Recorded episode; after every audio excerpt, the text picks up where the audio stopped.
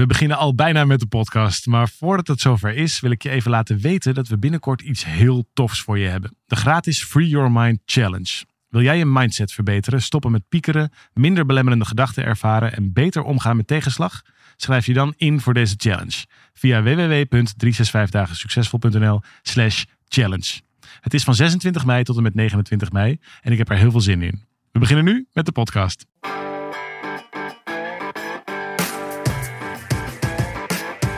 Van harte welkom bij deze podcast van 365 dagen succesvol. Wij zijn David en Arjan en we delen in deze podcast de eye-openers die cruciaal zijn voor een gelukkiger leven. Een podcast in tijden van eh, corona, David. Is het zomaar, eh, is zo- zomaar opeens crisistijd? Hoe vind je dat? Ja, jeetje. Eh, Als we in de, in de middeleeuwen hadden geleefd, dan hadden we dit niet geweten. Ja, dan hadden we het misschien wel om ons heen zien gebeuren. Maar dan Ja. hadden we dat natuurlijk eigenlijk helemaal niet geweten. Dus het is ook een soort van nadeel dat we zo goed op de hoogte zijn van elkaar. En ehm, Ja, denk, maar- je dat, denk je dat echt? Want in tijden, ten tijde van de grote plaag, de pest of zo, was er Mhm. ook wel heel veel angst, toch? Dus mensen kregen wel in de gaten dat er iets niet klopte. Alleen konden ze het nog niet zo goed aanwijzen. Nee, dat is natuurlijk waar. Alleen in de, eh, laten we voorzichtig zijn met vergelijkingen. Want dit is natuurlijk geen pest. Nee. En als dit pest zou zijn, dan hadden we zeker weten allemaal thuis gezeten. En dan is het natuurlijk waanzinnig dat er eh, goede communicatiemiddelen zijn. Ja. Maar ik heb het even over dit specifieke voorbeeld. Maar goed, het, het, het risico, daar hadden we het natuurlijk net al even over voordat we dit gingen opnemen. Is dat we er van alles van vinden. En, en, en misschien zelfs wel een ehm, standpunt daarop in willen nemen of zo. Terwijl daar valt natuurlijk helemaal niks te vinden, nog standpunt op in te nemen. Dit is gewoon vooral een les over laten gaan hoe het gaat. Ja, is dat zo? Heb je het idee dat daar geen enkele. Eh wat kijk, ik bedoel, een- zo'n zo'n virus overkomt ons. Dus hebben we in zekere zin. eh, niemand heeft daarvoor gekozen. Het is er opeens. En vervolgens moet je dealen met wat er is. Maar daarbinnen, binnen die omstandigheden, zijn er natuurlijk nog wel heel veel individuele keuzes te maken, toch? Vind je, of zeg je van nou, het is eigenlijk allemaal maar nu een beetje uitzitten en, eh, en ja, we, we, we hebben er toch niks meer over te zeggen. Nou, wat ik bij mezelf bemerk is een, een zekere vorm van gelatenheid of zo. Eh, en zoals Mark Rutte ook zei, er gaat, een, er gaat veel op ons afkomen. En we zijn er misschien wel maanden of jaren eh, mee bezig. Nou ja, dat, dat zou ook, ook voor onze onderneming, misschien wel voor onze privé dingen, ook best wel impactvol kunnen zijn. Zeker. Dat, dat zou ik me prima kunnen voorstellen. Ja. En daar zou ik me in normale tijden, als die al bestaan, zou ik me daar dan ook onrustig over voelen. Ik heb, me, ik heb wel eens slecht geslapen van, van het idee van, joh, ik weet niet of we dit wel gaan redden. Terwijl ik slaap nu uitstekend. Ja. En dat is ook heel gek. ja. Omdat je natuurlijk ook wel kunt voorspellen dat er het nodige gaat gebeuren. Niemand weet precies wat. Maar ja, dat- het allemaal niet meer bij hetzelfde zou blijven. Nou, dat is dan zo. Ja. Ik slaap dus uitstekend. Het is wel grappig. Misschien heb je daar wat aan als je hier naar zit te luisteren. Ik ben sowieso ook heel benieuwd eh, hoe jij hiermee omgaat en wat jouw keuzes zijn als je hier naar luistert. Eh, laat het ons vooral weten. Praat alsjeblieft terug, ook eh, via social media of op andere manieren. ehm, hoe jij hiermee omgaat en of je daar misschien nog goede tips in had. Maar ik was vanochtend met iemand in gesprek. ehm, en toen hoorde ik mezelf op een gegeven moment twee verschillende dingen zeggen. En soms heb ik dat, dat ik dan opeens iets helders zeg waar ik dan zelf iets aan heb. Dat was eigenlijk bedoeld als tip voor de ander. Maar ik merkte dat toen ik het zei, dat ik daar zelf ook wel veel aan heb. Dus ik dacht, weet je wat, ik ga het eh, gewoon nog eens herhalen. Het eerste wat ik namelijk ontdekte, was dat ik lange tijd heen en weer, eh, ehm, hoe noem je dat, me heen en weer bewoog tussen aan de ene kant actie, heel veel willen doen. En aan de andere kant ehm, totale overgave en eh, nou, laat, maar, laat maar, want we weten het toch niet. Alsof dat twee verschillende dingen zijn.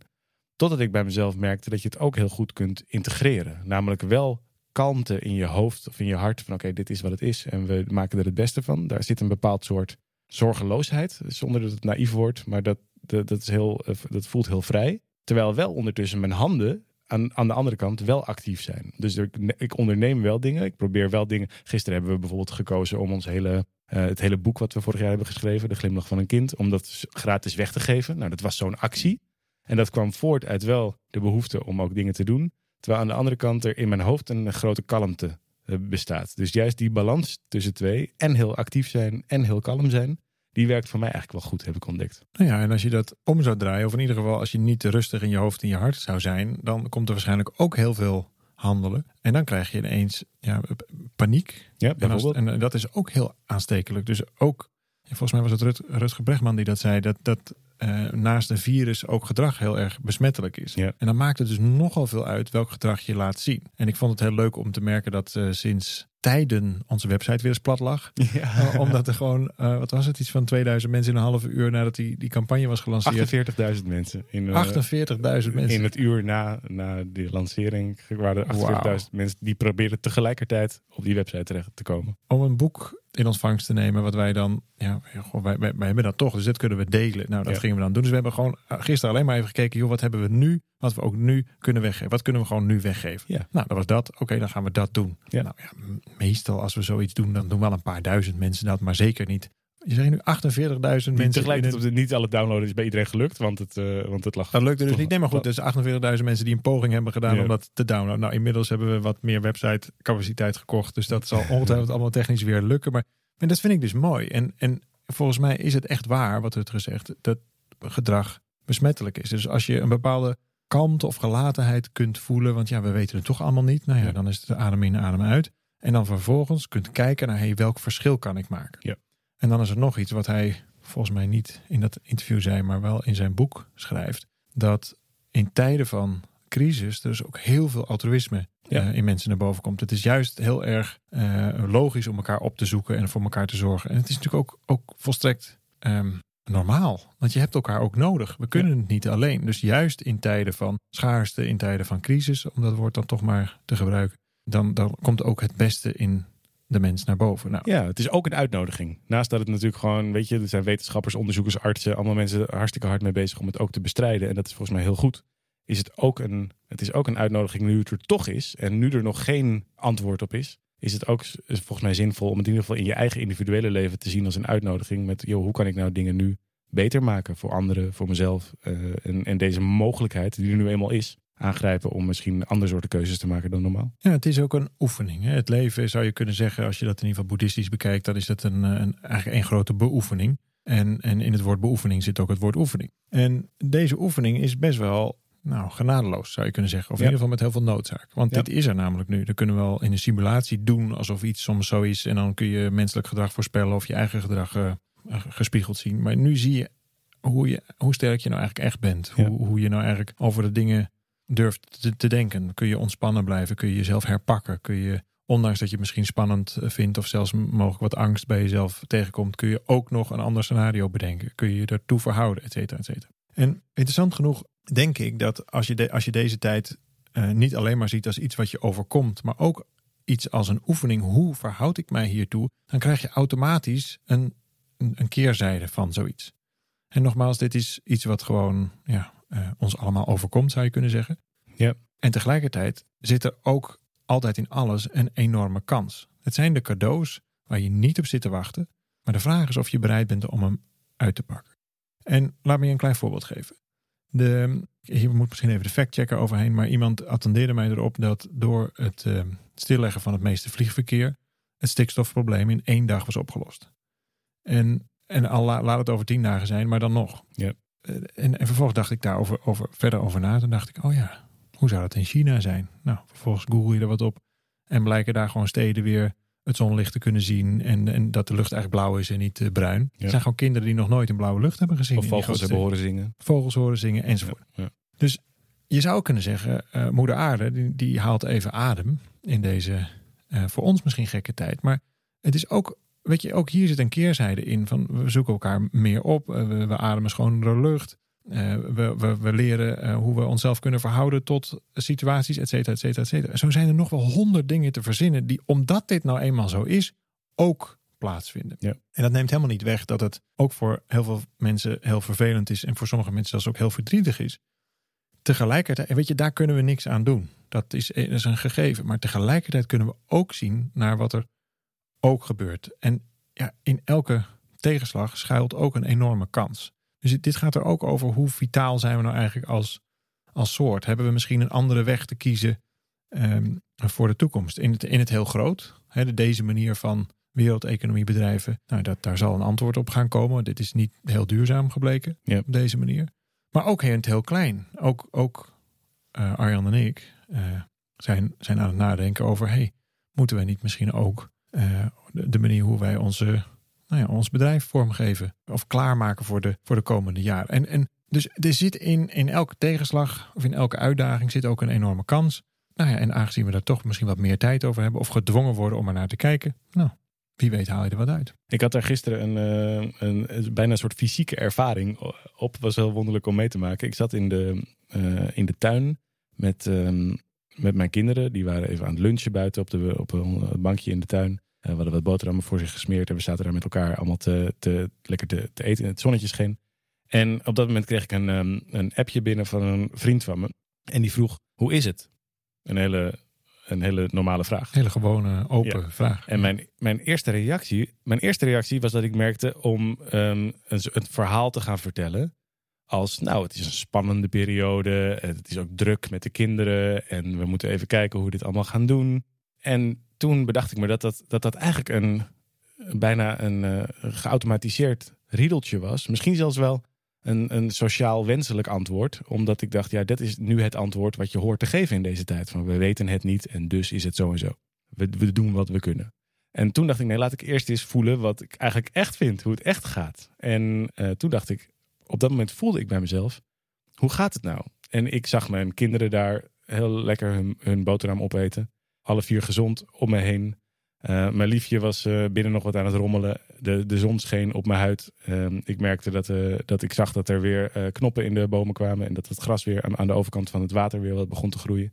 En toen dacht ik, hé, hey, het gaat eigenlijk het gaat op dit moment hartstikke goed met me.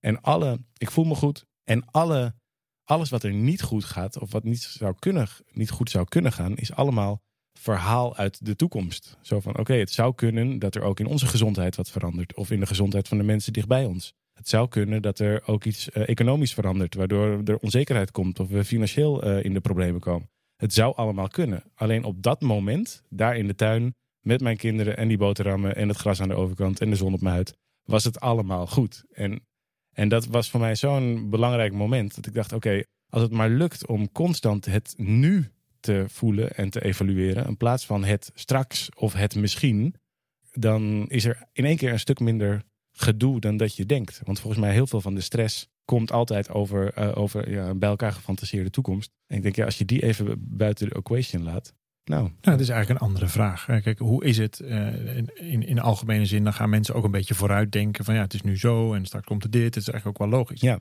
Dus als je daar een andere vraag van maakt, dan krijg je niet hoe is het, maar dan krijg je hoe is het nu?